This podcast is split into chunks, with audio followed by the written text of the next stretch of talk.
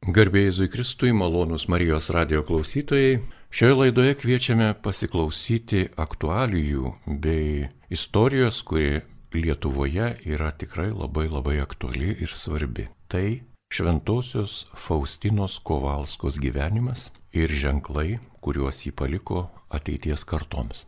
Taigi apie šventąją Faustiną ir tai, kuo ji šiuo metu yra aktuali, kuo ji mums gali būti naudinga gyvenimo ir tikėjimo kelyje, maloniai sutiko papasakoti Vilniaus piligrimų centro darbuotojos Lina Šapauskienė ir Karolina Sragauskaitė. Jas kalbina Liutauras Serapinas ir aš maloniai sveikinu į Marijos radijos studiją prie aušos vartų atvykusias gerbiamą Liną ir Karolina. Garbė Jėzui Kristui. Per amžius amen. Per amžius amen. Labai dėkojame, kad atėjote, kad šią svarbę dieną galėsite mums papasakoti ir mus labiau supažindinti su Šventojios Faustinos Kovalskos palikimu. Taigi Šventoji Faustina, kodėl ir kaip ją galėtume pristatyti Lietuvos tikintiesiems, svečiams, ieškantiems žmonėms susitikimo su Dievu keliu? Tai man atrodo, Šventąją Faustiną pirmiausiai galima pristatyti kaip vieną iš Vilniuje gyvenusių vienuolių. Tokia saliginai tuo metu Vilnietė, trejus metus, tai tokį tarpukarį 1933-1936 metais, na ir šiek tiek ten pusmetį buvo 1929 metais, gyvenusią čia Vilniuje ir vaikščiojusią e, šiomis gatvėmis. Tai pirmas yra dalykas, o kitas tai, man atrodo, ta žinia, kurią Faustina gavo ir perteikė mums čia Vilniuje, yra svarbi ir šią dieną. Neveltui ir Jonas Paulius II tiek kalbėjo ir parašė ir encikliką apie Dievo gilestingumą ir paskelbė Dievo gilestingumo sekmadienį, apie kurį Faustina kalbėjo būtent čia Vilniuje. Tai ši žinia yra vis dar aktuali, sulik kiekvieną dieną, ypatingai mums kaip Vilniečiams. Man visą laiką patinka kalbėti apie šitai ir sakyti, priminti arba supažindinti žmonės, kad kai Jonas Paulius II kanonizavo Faustiną, jisai paminėjo keletą miestų, tarp jų yra įvardintas ir Vilnius ir sakė, kad e, jūs, Vilniaus miesto gyventojai, esate na, Dievo gailestingumo e, žinios apaštalai. Tai man yra svarbu priminti žmonėms ir Vilniečiams, už ką mes esame atsakingi, kad mes esame tie kiti tesėjai šios žinios, šios Faustino žinios Vilniuje, kurią jinai pradėjo sakyti. Tai Taip. Aš pridursiu va kolegijai Karolinai, kad Faustina, man atrodo, jau tikriausiai kiekvienas tikintysis yra girdėjęs ir žino, ir gal net Vilnietis. Jinai gimė 1905 metais Lenkijoje ir mirė 1938 metais. Būtent čia tą dieną, kurią mes šiandien ir kalbam, tai yra spalio penktą dieną. Tai jos gimimos dangui mirties diena, bet kartu ir jos, na, minėjimo kaip šventosios diena. Gal iki 2000 metų mes gal mažiau girdėjom, nes būtent 2000-aisiais jinai kaip naujam tūkstantmečiui tarsi paskelbta yra šventoji. Gailestingumo apaštalė, va apie tą patį gailestingumo apaštalais mus pavadino popiežius Jonas Paulius II šventasis. O pirmoji, ta gailestingumo paštalė buvo jinai, kartu su be abejo ne tik jinai viena, bet ir, bet ir jos dvasios tėvas Mykolas Sopočko ir kartu ir tas pats Jonas Paulius II yra gailestingumo paštalas pavadinamas. Tačiau ta misija ir, ir, ir gailestingumą skleis toliau ne tik, na, ne tik per Faustiną, bet ir per mus visus. Ir šita diena, kurią mes minim Šventą Faustiną, yra svarbi ir prisimint pačią šventąją, išgirst, ką jis kelbė, pirmiausia, gailestingumo žinę, gailestingumo mums ir visam pasauliu, ką mes ir kartuojam vainikėlio maldoje. Prisimint, kokias pamaldumo formas gavome per Faustiną ir jos, kadangi jį matė pastoviai apreiškimus, Jėzus vis jai pasirodydavo ir vis kalbėjo ir visą tai yra užrašyti, visi tie pokalbiai jos dienoraštyje, bet kartu mes gavome ir gailestingumo vainikėlio maldą, gailestingumo sekmadienį, gailestingumo valandą, gavome paveikslą, kuris, kurio originalas čia pat irgi yra Vilniui.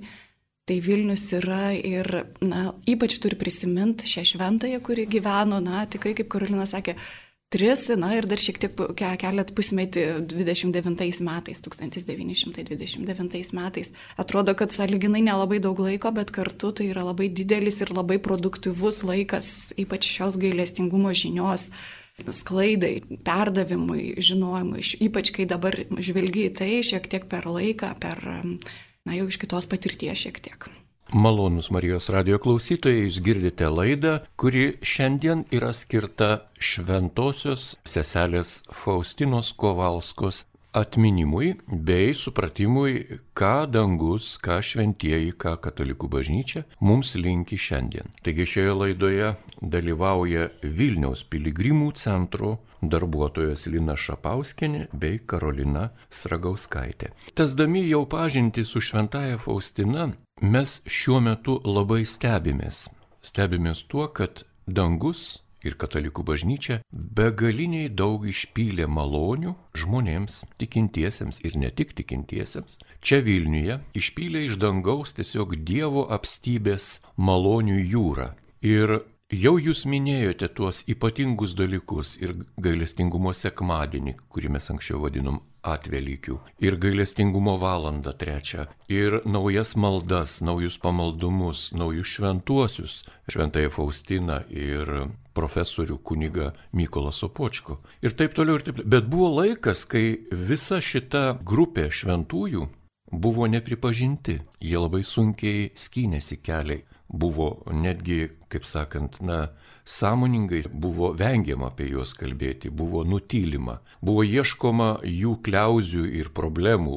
Šventoji seselė buvo net tyriama psichologiškai, ar jinai tikrai gali regėti Jėzų, gal tai yra klejonės ligonių ir taip toliau ir taip toliau. Kaip jūs galėtumėte šiandien vat įvardinti tą paradoksą? Tiek daug prieš priešos išliejo tiek daug malonių. Gerbiama Lina, gerbiama Karolina. Tiesiog bažnyčia, aš suprantu, kad tai va privatus apreiškimai, regėjimai, na vis tiek bažnyčios yra natūralu, kad yra šiek tiek rezervuotai žiūrimi ir ilgai tyriami. Čia, čia tiesiog, man atrodo, neišvengiama. Ir, ir, ir gal žvelgiant į tai, kad na, tiesiog tas pats gailestingumo žinios kelias, jis matyt nėra lengvas. Ir tai žiniai ateit, na, viešpats matyt tam numatė, matyt, kad ir, ir tas laikas turi būti, ypač mūsų laikmečio žmonėms, jisai dabar turi tarsi paliest, ypač mus kažkaip žvelgiant į Šventą Faustiną, net tuo metu aš atsimenu iš vieno prancūzų kunigo, išgirdau labai gražų pastebėjimą. Jisai sako, na va, kunigas Mykolas Sopočka pirmiausia Faustina, išgirdęs, kad jinai prašo būti jos dvasios tėvų, nuodėmklausių, palydėti ją, jisai ją nusiunčia pas, na, ištirti jos psichiką. Ar, ir kaip keista, gydytoja duoda visiškai, na, patvirtina, kad jinai yra visiškai sveika, neturi jokios nu, jokio sutrikimo. Ir sako, šiais laikais net būtų keista, man atrodo, kiekvienam žmogui psichologas ar psichiatras išrašytų kokį nors nusistebėjimą ar sutrikimą ar, ar išvelgo, o vad būtent jos atveju yra tiesiog nerandama jokios priežasties. Ir tada po truputį pats Mykolas Supočka pradeda patikėti, ką jis sako, Pirmiausia, jam pačiam reikėjo šitą priimti žinę, išgirsti ir patikėti, įsileisti matyti į širdį ir, ir, ir suprast protų, ką, kas norima perduoti. Ir tai, kadangi būdamas profesorius, kaip jūs minėjote, jisai pirmiausia pasirėmė, kad šitą žinią, ką jinai pasakoja, nu nieko neprieštarauja nei šventam raštui, nei bažnyčios mokymui. Tai irgi buvo toks taškelis, kuris jam leido, nu, šiek tiek nusiraminti. Ir matyt, po to širdis pakabina, užkabina taip giliai tą žinią, kad jisai pats tampa, na, ir, ir pamoksluose, ir paveikslėlius leidžia, ir turi net nepritarimą viskupų kai kurių, bet vis tiek, nu, neapleidžia šitos minties. Ir, jo, ir be abejo, ir jo kelias yra nelengvas. Ir to vaisiaus pamatytos gailestingumo žinios ar to sekmadienio paskelbto, jiegi ir nepamatė. Tai tarsi, na, jie, jie tarsi pasėjo tos grūdelius mums pasėjo, o mes per viešpati, o mes tarsi jau matom ir vaisius skinam. Mums jau duota ir ta šventė, mums jau duota ir ta aprobuota ir malda, ir paveikslas, ir, ir mes drąsiai renkamės ir aplankom šventovę, kuri jisai pakabintas yra šitie regimi ženklai ir šitas sunkus darbas, na, man asmeniškai tai yra labai geras pavyzdys, kaip kartais ypatingai šiomis dienomis mes norime matyti greitą rezultatą. Ir vad Kalina dabar paminėjo, kad jie net nematė savo darbo, didžiosios dalies. Taip Faustina pamatė pirmą kartą už šios vartuose gilestinimo paveikslą išstatyti, ar ne? Bet ji nematė šventovės, kurioje dabar jisai yra mums taip prieinamas.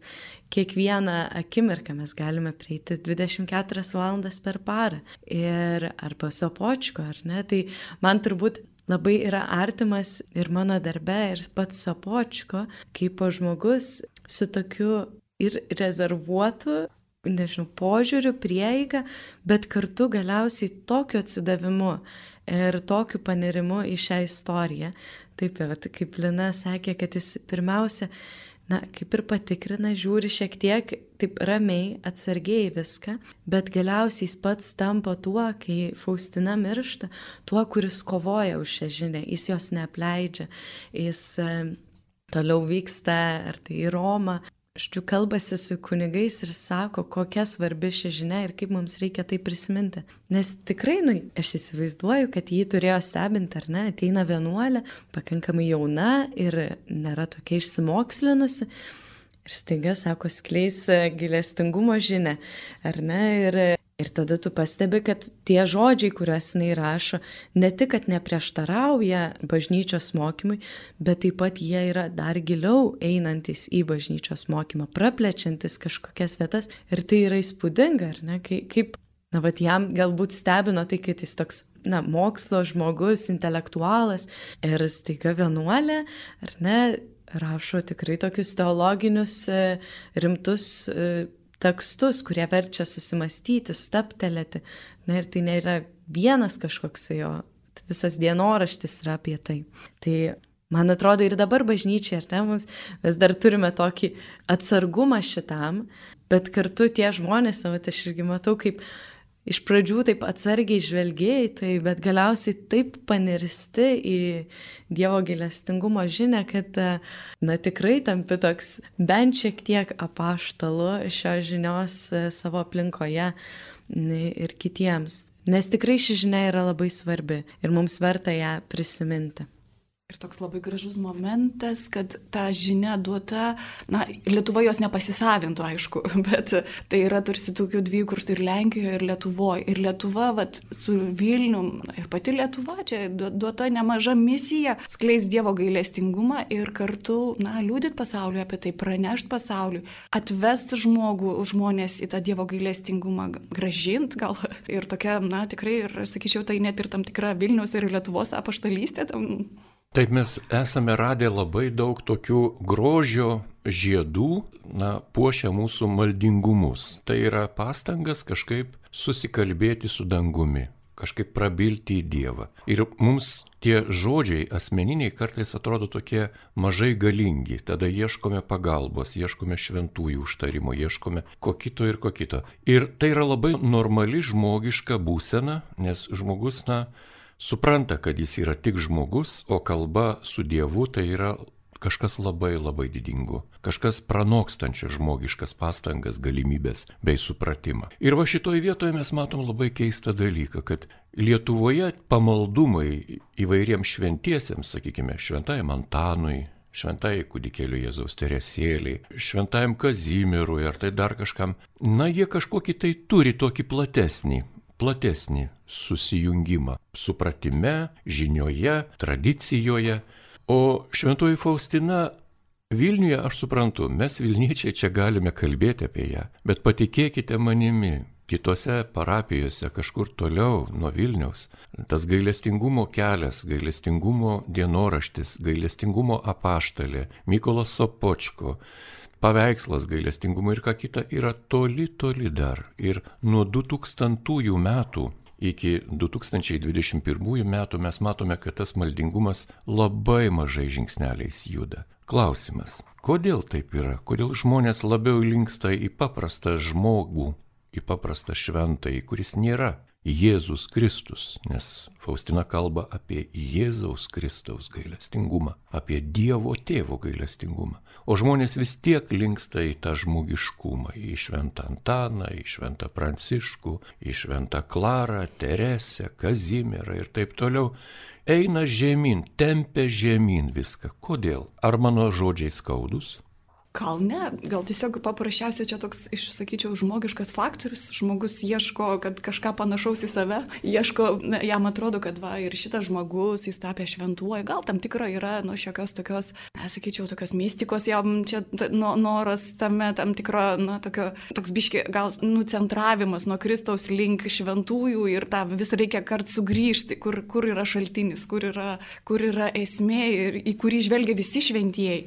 Šiaip šventųjų, na, šventieji tai ir turėtų, turėtų na, kreipti mus į pačią esmę, juk ne, jie visada, jie savo gyvenimais tą paliūdijo. Gal tiesiog, na, taip tokiais keleliais, jeigu tai padeda žmonėms ateiti link Kristaus, na, gal ir nėra blogos. Prašy, dažniausiai žmonėsgi prašo užtarimo, šventųjų užtarimo ir, ir ka, ka, kokie jie bebūtų, ar net, nu, pirmiausia, aišku, Dievo motinos, bet ir visų šventųjų gyvenusių žemėje jų pavyzdžiai mus turėtų įkvėpti ir rodyti kelią, ko, kad gyvenimas na, nesibaigia, kad gyvenimas yra, mes turim ir amžinai gyvenimą ir ta bendrystė su šventaisiais jinai yra graži. Ir kokie gali būti situacijos, kad ir tu iš baisiausio nusidėjėlio gali tapti šventuoju. Tai ir tai, man atrodo, tas toks na, kelias ar ta žinia, kuri buvo perduota per nu, kažkuriam šventai, kad ir to pačio kūdikėlių Jėzaus Teresės mažasis kelelis. Ir, na, ir Faustina labai panašiai, jinai, žiūrėkit, būdama vienuolynė, klausė, mato regėjime šventą Teresėlį, ir užrašyta gyra. Ir jinai ir sako, aš būsiu ten, kur tu esi. Jai irgi norėjus va tos šventosios ir draugystės ir, ir, ir būti ten, kur yra, na, kur yra šventoji Teresėlė, jinai viešpatės artumoje. Ir, žodžiu, tai Teresėlė sakė taip. Ir, ir mes matom tą jų bendrystę išsipildanti tokia šių dienų jau dabar žvelgiam ir žinom, kad abi šventosios yra. Be abejo, jūs teisingai sakot, kad tai yra mažai žinoma šitą gailestingumo žinią, mes daugiau šventuosius girdim, tos pamaldumo formos, visokios įaugusios ir pripratom, tradicijos, bet, na, jeigu tai veda link Kristaus, jos yra visada geros. Gailestingumo žinia, na, mes ir esam tie, kurie patiriam jį, kurį išgirstam, mes ir turim dalinti su kitais. Šia tokia yra misija ir mūsų piligrimo centro - atvest kiekvieną į tą gailestingumo žinios ištakas šias, kurios yra Vilniui ir kad tie žmonės, kurie apsilanko, išgirsta išgirsta, patiria ir po to neštų kitiems, neštų į savo kaimus, į parapijas, į didesnius ar mažesnius miestelius. Ir, ir tiesiog dalintųsi, skleistų tą žinią šio laikinėme pasaulyje, kuriam labai ypač reikia priminti tą gailestingumo žinią ir iš naujo grįžti prie jos. Tas šventųjų pažinimas yra toks labai lėtas iš savęs procesas, bet, bet kartu toks nežinau, ilgalaikis, kuomet pažįsti, tai labai su, na, susibendrauji su tuo šventuoju ir jis patampa artimas. Tai vad kaip ir Lina sakė, kad reikia, na, mes ieškome pirmiausiai turbūt tų šventųjų, žinau, ištinka kažkokia bėda, ieškome tų šventųjų, kurie tarsi yra priskirti, ar bažnyčios, kad štai jie globoja šią sritį, galite melstis, va, šventam Antanui, jeigu pametate kažką, na tai tikrai turbūt vienas populiariausių šventųjų tarpe katalikų. Ar, na, žodžiu, toks tarsi paieška pagal praktinį kažkokį tais iššūkį gyvenime.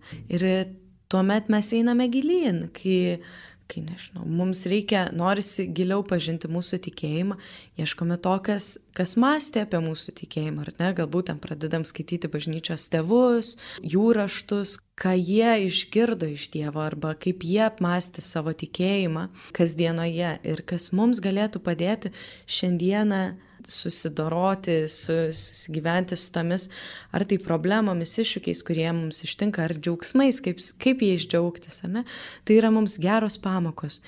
Ir Taip, Faustina yra pakankamai, na tai 2000 metais kanonizuota šventoji, tai 21 metai yra tikrai labai nedaug visoje bažnyčiai, visos bažnyčios metų e, kontekste ir labai yra žavu matyti, kaip taip po truputėlį na, juda pirmyn. Dar mes galime turbūt tokioje dėkingoje esame situacijoje, kur tas pats palaimintas Mykolas Sopočka dar galime sutikti jo turbūt ar tai mokinių, kurie jį pažinojo, žinojo žmonių.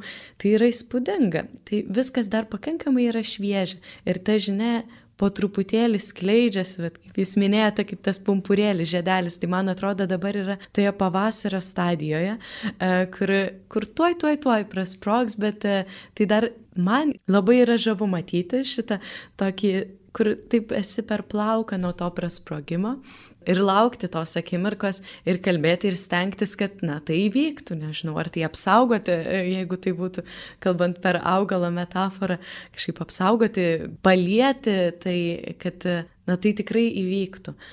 Ir, ir nežinau, ir tas gilestingumo paveikslas, ne, Taip, galbūt pati žinia apie Faustiną, jinai dar taip lietai juda toj pačioje Lietuvoje pirmin, bet, na, gilestingumo paveikslas, kiek, kiek aš keliauju Lietuvoje, beveik kiekvienoje bažnyčioje atrandi jį ir pamatai ir gali pasimelsti. Tai čia yra turbūt laiko klausimas, bet čia jau na, ir mūsų tikinčiųjų Na, pats, ar tu užduodi klausimą, o iš kur tas paveikslas, koks jisai yra, ar prieini paklausti, tai tikrai ir aš pati va dabar susimašiau, kad būna, na, į bažnyčią ir tikrai ne apie kiekvieną paveikslą susimastai, koks čia šventasis, ar, arba bandai išgauti informaciją apie tai. O reikėtų turbūt tam, kad, na, jie mums kalba, jie mums kažką sako ir padeda mums tikėjime. Aš galvoju, na, tiesiog dar yra labai gražus tas momentas pastebėti, kad tiek o paveikslas originalas, kabantis Vilniaus Dievo gailestingumo šventovėje, jis stebuklingų būdų išliko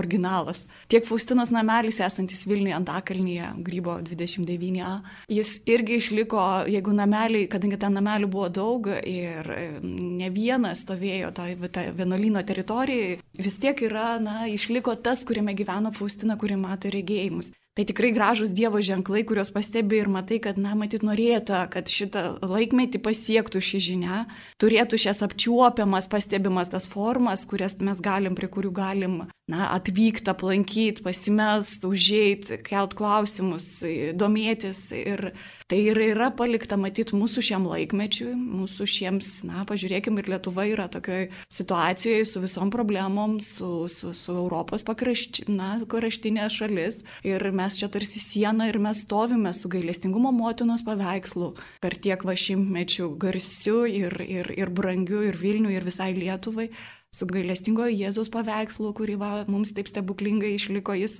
ir kurį randame, na, to pačiu nameliu, kur galima ateiti pasimelsti švento Tas pats va, vienuolynas norėtas įkurti ir Faustina visą laiką galvojo, kad čia jo, jai skirta įkurta vienuolyną gailestingumo. Bet ir sesutės gyveno taip pat Vilniuje, yra namai, kurie gyvena.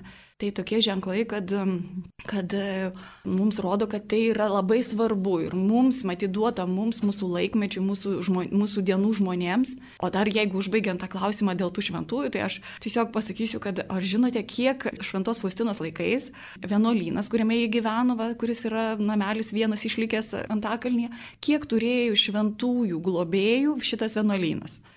Tai ir pirmiausia, aišku, gailesting, Dievo gailestingumo motina, Šventas Ignacas Lojola, Šventas Juozapas, Arkangelas Mykolas, Marija Magdalietė, Jėzaus Teresė ir Antanas Paduvėtis. Ir visi šitie šventieji buvo paskirti globėjai vienuolynų.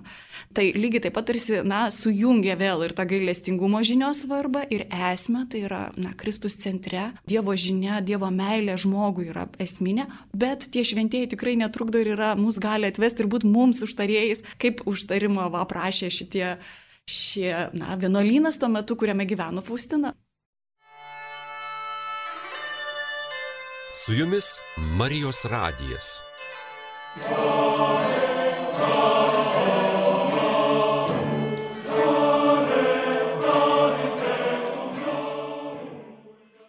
Malonus radio klausytojai, įpusėjome laidoje, kurioje kalbame apie šios dienos mūsų mylimą asmenį, šventąją seselę Faustiną Kovalską. Šioje laidoje maloniai apie šventąją Faustiną Kovalską sutiko papasakoti Vilniaus piligrimų centro darbuotojas Lina Šapauskinė bei Karolina Sragauskaitė. Jas kalbina Liutauras Serapinas. Na ir antrąją laidos dalį norėtųsi paskirti įvykiams, kurie šiuo metu galbūt yra naujienos žinia tame pamaldume, kurį bažnyčia kuria, ieško vaisingumo per šventosios Faustinos teikiamas malonės tikintiesiems. Kodėl sakau teikiamas malonės? Nes iš tikrųjų kiekvienas šventasis yra malonė, malonės ženklas, koks jis bebūtų. Ar labai kontroversiškas, ar koks mums nepažįstamas mūsų kultūros prasme, sakykime,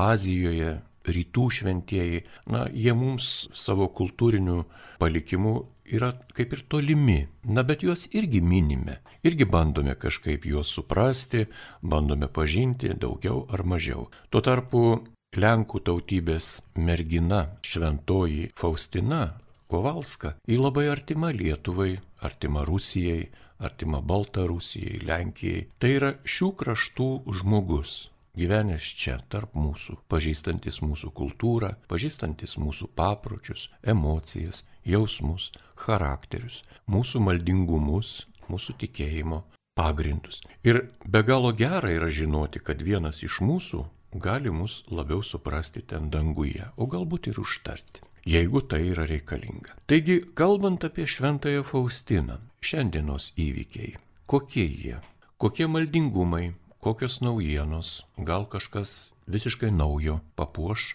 mūsų tėvynės sostinę Vilnių. Taip, šiandien dieną minint Šventąją Faustiną, mes labai kviečiame apsilankyti Šventos Faustinos namelyje Vilniuje. Tai jau Lina truputėlį minėjo apie tai, kad tai yra buvusio vienuolyno vienas iš išlikusių pastatų ir tikrai stebuklingų būdų būtent tas, kurio, kuriame ir buvo Faustinos celė. Šiuo metu tenais yra jos ir Mykolo Sopočkos relikvijos, prie kurių kiekvieną dieną, kasdieną, nuo pirmadienio iki sekmadienio, trečią valandą yra melžiamasis Dievo gailestingumo vainikėlis. Tai tikrai kviečiame užsukti, jeigu galite šiandien, jei ne, tai ar, ar savaitgalį kitą dieną tikrai namelis yra atviras kasdieną nuo 10 ryto iki 5 vakaro, apsilankyti ten, kur Faustina tikrai praleido labai daug laiko, tiek dirbdama, rašydama dienoraštį, patirdama vizijas, e, apsireiškimus Jėzaus čia Vilniuje. Tai vienas iš tokių dalykų. Tada kitas yra prie to pačio Faustinos namelio, jau šeštadienį buvo pašventinta Švento Juozapo skulptūra. Tai e, jau buvo minėta, kad jisai buvo vienas iš tų šventųjų Vilniuje, šio vienuolyno Dievo gilestingumo motinos, kuriam priklausė Šventoji Faustina. Ir, e, na, ši skulptūra vėl papuošė kiemą kaip tas regimas ženklas to vienuolyno globos Švento Juozapo, taip dabar galbūt tą namelį ar visą miestą, antakalnį, nežinia, turbūt ne mums spręsti, kiek čia Juozapas prisidės, manau, visur, bet tai galima pasidžiaugti tikrai, na, aišku, namelio durys atviros, kaip jau minėjau tuo metu, bet Juozapo skulptūra yra laukia, tai prie jos tikrai galima pasimelsti, bet kuriuo paros metu į kiemą ten. Tai šiek tiek yra gal toksai klaidinantis įėjimas, nes šalia yra darželis, tai tikrai nebijokite praeiti tuos vartus ir įeiti į kiemą, atsidursite tokiame labai gražioje oazėje, bent jau man, pačiame tokia miesto šurmulyje, nedidelis medinukas, namas, tai vat, Faustinos namelis, kuriame yra labai gražus kiemas. Tai tikrai užsukite ten na, pailsėti, atsipūsti, atsikvėpti, įsikvėpti, na, tiesiog jėgų kasdienybei savo. Faustinos namelė kiekvieną dieną yra melžiamas į Dievo gailestingumo vainikėlis trečią valandą. Vis ar tai būtų užeinančių piligrimų, ar, ar tiesiog darbuotojai vieni melžiasi, ar dažniausiai visada ateina na, tiesiog pastovus ištikimi maldininkai. Ir būtent šią Faustinos dieną, kai mes ją minim, mes tikrai transliuosime ir lietuvių kalba vainikėlio maldą, ir lenkų kalba, ir prancūzų kalba yra numatyta ir mokymas, kad ta žinia iš tos vietos, kur padiktuotas vainikėlis, dar sklistų ne tik po Lietuvą, bet ir visą pasaulį, kiek galima apčiuopti ir ką mes pasiekėm šiuo metu, kas galėtų va šią žinią dar paskleisti mums. Ir o apie Juozapą grįžtant, ką Karolina minėjo, ši skulptūra tai yra labai gražus toks, na ir tarsi atstatymo momentas, gražinimas, na Vilniaus irgi tam tikros istorinės atminties ir kartu ir va šitos gailestingumo žinios, šito vienuolyno tam tikro momento atstatymas. Tai būtent, kad skulptūra, jeigu pažiūrėtumėm senesnės nuotraukas, matome, kur, va, pavyzdžiui, yra Faustinos išlikusi nuotrauka prie vienuolyno, matome, kad laukia stovi Šventų Juozapo skulptūra. Va čia per kažkiek laiko buvo išsiaiškinta, kad buvo dvi skulptūros. Viena stovėjo laukia, o kita stovėjo koplyčioje, kuris ta koplytėlė stovėjo, na, netoli gatvės, jeigu jau taip įsivaizduot, jos nėra išlikusios. Ir šita iš koplyčios skulptūra Juozapo pasirodo buvo sesučių, kai jos traukėsi iš Vilniaus, atiduota, padovanota Petro Povilo bažnyčiai. Ir beje, ją galima aplankyti užėjus į Petro Povilo, Šventųjų Petro Povilo bažnyčią Vilniuje. Ir pagal šios skulptūros na, modelį skulptorius e, Nerijus Kavaliauskas nuėmė na, tiesiog formą ir padarė lygiai lygiai tokią pat skulptūrą. Ir Javą spalio antrą dieną pašventino kaip vyskupas ir, ir šią skulptūrą galima Galima aplankyti, galima pasimelsti ir reikia nepamiršti, kad šie metai vis dar tebesitėsi Švento Juozapo metai. Tai yra vienas iš vienų gražesnių momentų, man atrodo, atstatyti Švento Juozapo skulptūrą, kuri buvo prie šito namelio kuri buvo Faustinas laikais, tai yra dar kartą tas pats šventųjų užtarimas. Labai gražu, kad, kad mes vis dar nepaliaujam melstis kiekvieną dieną 8 val. Švento Juozapo maldą prašydami pandemijos pabaigos. Ir, ir manau, kad va, Juozapas dažnai tikrai, kadangi yra ir globėjas, ir bažnyčių, ir vienuolynų, ir žmonių, ir šeimų, labai didelė, tikrai labai daug žmonių yra besimeldžiančių šventam Juozapui, tai yra tikrai didelis e, užtarėjas. Mums tai labai gražus momentas dar kartą pasimels prašant ar aplankyti Faustinos namelį ir kartu švento Juozapo skulptūrą, kuri yra va, tarsi grįžusi atgal į namus, į tą pačią vietą po tiek metų. Tai toks momentas va, irgi kviečiam į Vilnių ir į tos Faustinos namelį. Taip pat ir gailestingumo šventovę, aplankant paveikslą. Žinau, kiek šventovėje bus skaitomas toliau nepertraukiamai dienoraštis Faustinos, kuris beje taip pat pradėtas rašyti Vilniuje yra iš tos kasdienybės, na tai, ką planuojam padaryti šiandien ar ne, ir šitie dalykai, bet galima tikrai, man atrodo, įsitraukti ir eiti, norint pažinti šventąją Faustiną, galima eiti gilestingumo keliu. Tai po tuos regimus ženklus, regimas gatves mums paliktas išlikusias čia Vilniuje Tai tas kelias toks galima eiti individualiai, susidarant tarsi arba savo maršrutą, savo palanku, ar tai eiti kiekvieną dieną, devynias dienas, e, pavyzdžiui, nes na, turime tokius devin, devynis gal svarbiausius objektus, ar galbūt visą tai praeiti per vieną dieną, tai žodžiu, tiesiog galite susirasti ir internetiniam puslapį arba, arba apsilankę Vilniaus piligrimų centre, tai tikrai mes maloniai padėsime atrasti jums savai tą maršrutą, savąją piligrimystės kelią, ar tai būtų nuo aušos vartų iki Faustinos namelio, ar nuo Faustinos namelio iki aušos vartų, tarsi galime nuspėti, jog Faustina bent du kartus į savaitę, tai tikrai keliavo šiuo maršrutu ir eidama Dabar tai yra hospisas, tuo metu tenais gyveno, kaip Fustina gyveno, Mykolas Sopočko ir dailininkas Eugenijus Kazimirovskis, tai yra Rasų gatvė 4, kur ir buvo nutapytas Dievo gailestingumo paveikslas, ar ne? Tai Faustina bent du kartus į savaitę eidavo iš savo vienuolyno per užos vartus pasimeldusi Dievo gailestingumo motinai na, tiesiog perduoti tą žinią, kaip atrodė Jėzus, kaip jinai matė ir kaip turėtų atrodyti tas paveikslas. Tai man atrodo tas, na čia, žodžiu, atrasti savąjį, savąjį kelią, savąjį pažinimą, nes tai tikrai padeda suprasti, kodėl kodėl, pavyzdžiui, Faustina rašo taip, o ne kitaip, ar ne vien tik jau apsilankius Faustinos namelį, supranti, pabuvęs jos celėje, kodėl dienoraštis atrodo toksai, kodėl tose vietose nutrūksta, kur nutrūksta. Tai paliksiu šiek tiek intrigos tam, kad apsilankę sužinotumėte, kodėl taip įvyksta. Tai Man atrodo tiesiog po truputėlį, šiek tiek įdedant savų pastangų, pažinti šventuosius, tuos, kurie gyveno Vilniuje, o jų buvo ne tik tais šie du labiausiai mūsų minimi šiandieną, bet ir dar kitų. Mūsų laida tikrai priartėjo prie pabaigos, bet dar sunku yra atsisveikinti su jumis, nes ta žinia, kurią jūs perdodate savo darbu ir savo dabartiniu liudijimu radio klausytojui, yra labai paradoksali. Visas mūsų tikėjimas kartais mes mėgstame pridėti kažkokius tai žodelius, kad galėtume apibendrinti arba įvardinti savo tikėjimo kelią. Kartais atrodo keistokas. Vilniaus mieste yra daugiau nei šimtas kulto pastatų ir kartais mums atrodo, kad mūsų tikėjimas yra negirdimas arba kad jis kažkaip gesta lyg žvakė. Kartais mums apima liūdėsio arba nusiminimo ar kažkokios rutinos ar kasdienybės pilkuma.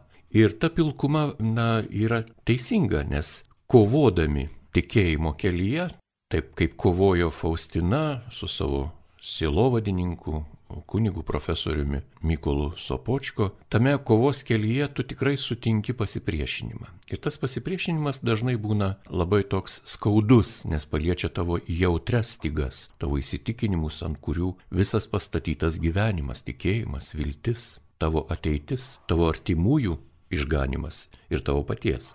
Kai kalbame apie šituos dalykus, kartais mes užmirštame, kokia galybė mus remia, koks kultūrinis ir dvasinis turinys yra įdėtas Vilniaus mieste, koks jis yra galingas, koks jis yra didingas, kiek jo yra daug ir kiek jo yra pilna. Ir bėdavoti gali tik tais aklas žmogus, kuris ir kurčias, nematantis, negirdintis arba užsiciklinęs savo kažkokioj tai uždaroj tokioj supratimo ir patyrimo erdvėje. Mūsų visus tai pagauna. Todėl aš Jums labai dėkoju už šią laidą, kurioje Jūs vėl pravėrėte langus į saulę, į šviesą, kuri nėra vien medžiaga, kuri nėra vien pastatai, statulos, paveikslai ar netgi žmonės, bet yra Dievas. Dievas kuriejas, Dievas gailestingumo, Dievas meilės, Dievas ištikimybės, Dievas tiesos. Ir Už tai labai dėkojame. Na ir laidos pabaigai jūsų ištara. Ką dar turėtume šiandien išgirsti šioje laidoje? Štai labai norėčiau priminti popiežiaus dabar jau šventojo Jono Paulius antrojo encikliką Dyvės in Misericordija. Nežinau, ar esat skaitę. Būtinai paskaitykite. Labai be galo gražu. Ši enciklika parašyta 1980 metais. Dar nei Dievo gailestingumo žinios nėra, tokios kaip va žinios ir pamaldumo formos nėra, nėra pristatyta, nėra aprobuota, nėra išreikšta, bet popiežius primena, čia mat, jo antri pontifikato metai, jis primena apie būtent e, Dievo gailestingumo žinią ir ten tokie nuostabus sakiniai ir tarsi bažnyčios misija užrašyta, kuri po to tarsi papildyta yra nas 2000 metais. Jisai rašo, kad Velykų slėpinys tobuliausiai apreiškia gailestingumą. Ta meilė, kuri stipresnė už mirtį, galingesnė už nuodėmę ir visokį blogį. Apreiškia tą meilę, kuri kelia žmogų iš nuopolių pragarmės ir išvaduoja iš didžiausių grėsmių. Šiuolaikinis žmogus dažnai nerimaudamas klausia savęs, kaip būtų galima įveikti baises įtampas, kurių tiek prisirinko pasaulyje ir kurios įtraukia į savo sukūrusios žmonės. Jeigu kartais jie nesiryšta ištarti žodžio gailestingumas ir savo lygėjusėje sąmonėje neranda kito lygiaverčio žodžio, juo labiau reikia, kad bažnyčia ištartų šį žodį. Ne tik savo vardu, bet ir visų šiandieno žmonių vardu. Malonus Marijos radio klausytojai, šiandien jūs girdėjote laidą apie Dievo gailestingumo apaštalę šventąją seselę Faustiną Kovalską. Apie ją ir įvykius, kurie liudija jos pamaldumo vaisingumą jums šiandien pasakojo Vilniaus piligrimų centro darbuotojos Lina Šapauskinė ir Karolina Sragauskaitė. Jas kalbino Liutauras Serapinas, likite su Marijos radiju,